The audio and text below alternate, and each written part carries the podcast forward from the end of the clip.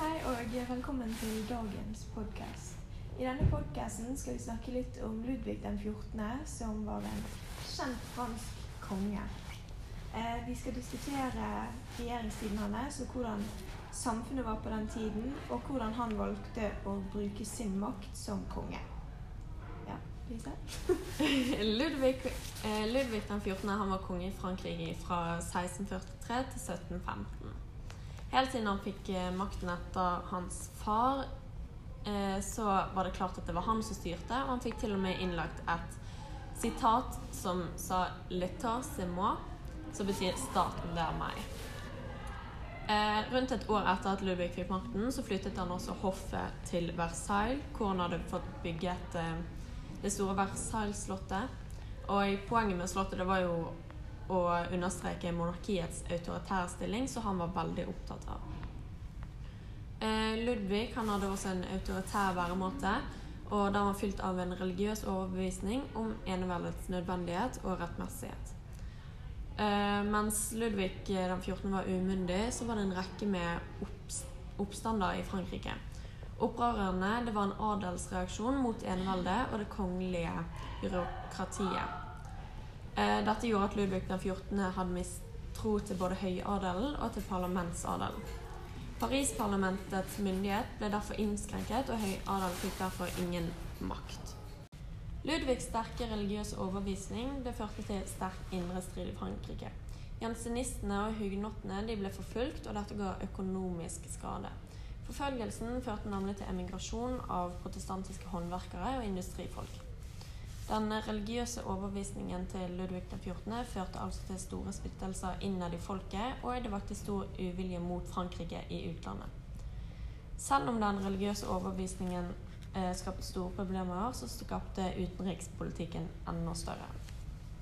Hans aggressive krigspolitikk førte i begynnelsen til franske seire og landevinninger, men frykten for Frankrikes ekspansjon drev de andre maktene til å alliere seg mot Ludvig. Frankrike led derfor større nederland, nederlag eh, i bl.a. niårskrigen og den spanske arvefølgekrigen mot Østerrike og Spania. Da Ludvig den 14. døde i 1715, ble, var landet i både økonomisk og i sosial krise. Samfunnet på den tiden var preget av fattigdom. Eh, Frankrike hadde 25 millioner innbyggere på 1700-tallet og var Europas rikeste land til tross for at mesteparten av befolkningen sultet i hjel.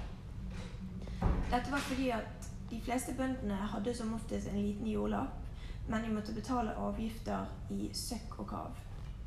Senere på 1700-tallet ble mynter tatt i bruk, etter, og dette var en konsekvens av innflytelse fra andre land.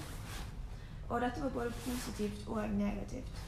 Inflammasjon økte prisene på varene, og dette gjorde jo da at bøndene fikk bedre, fortalt, nei, bedre betalt. Men avgiftene fra kongen, eller som de måtte betale til kongen, økte jo eh, like mye.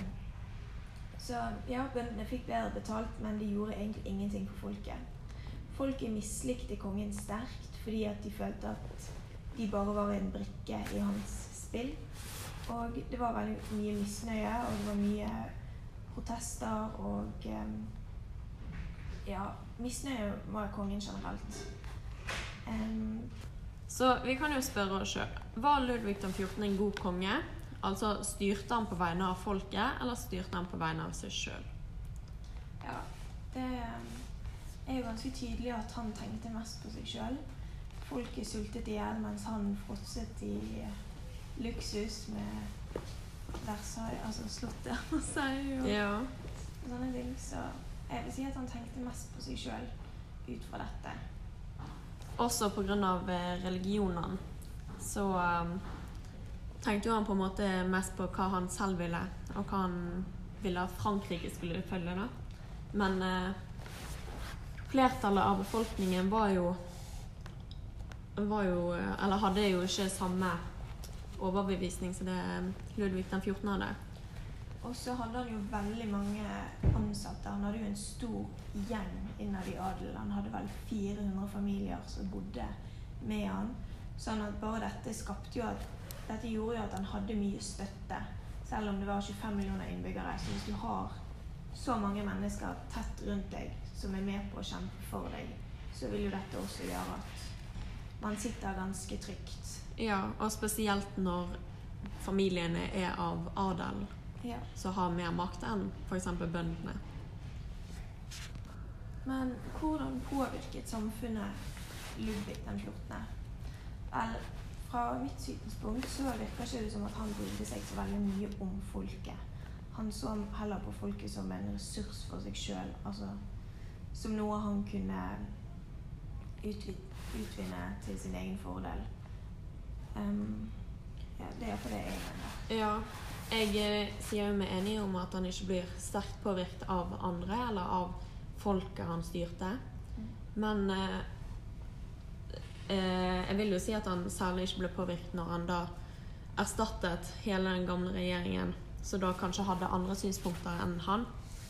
Så eh, er jo det ikke veldig lett å bli påvirket om han da sitter alene og styrer som et eh, enevelde, liksom. Ja, men han var jo da veldig opptatt av at han skulle gjøre det han ville, og kjøre sitt eget løp. Og da vil ikke jeg si at han har så veldig mye empati og eh, omsorg for folket. Han ville bare gjøre det som var best for han sjøl. Ja, det virker altså ikke sånn at han har veldig stor interesse i å høre på andres meninger og få innspill til ting han da senere skal gjøre. Mm. Og til slutt så vil vi gjerne spørre hvordan Ludvig den 14. påvirket samfunnet rundt seg. Uh, ja. Uh, hvis vi skal se det fra folkets perspektiv, altså de franske innbyggerne, så uh, var det mye misnøye, som sagt, og folk var sure. og det var, veldig, det var mye splittelse i samfunnet. Folk var sure på hverandre fordi at de delte et hat med kongen. da. Og det er jo forståelig at de led og de slet med å få i seg nok mat og få mat på bordet i det hele tatt, mens han bodde i et slott til på flere hundre kvadratmeter. Så dette gjorde jo at folk var misfornøyde. Ja, og en annen ting som skapte misnøye blant folk, det var jo at han drev med sånne forfølgelser. Og det skapte jo også en migrasjon. Ja. Men eh, en annen ting utenfor Frankrikes grenser, det var jo at han først så eh, klarte jo han å skape mange franske seire og landvinger. Men etter hvert så gjorde han sånn at de andre statene i Europa samlet seg og eh, gjorde at de fikk et sterkere samhold. Men da også gjorde at Frankrike led større nederland, nederlag. Ja. Og eh, da altså endte i økonomisk og sosial krise.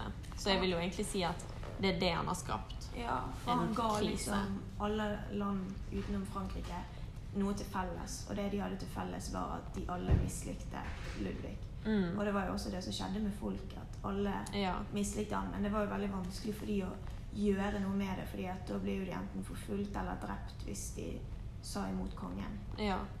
Og det er jo kanskje greit å fikse opp sine indre problemer på en måte innad i landet før en begynner å skulle øke landområdene til et større land da, Ja. og flere innbyggere. Absolutt.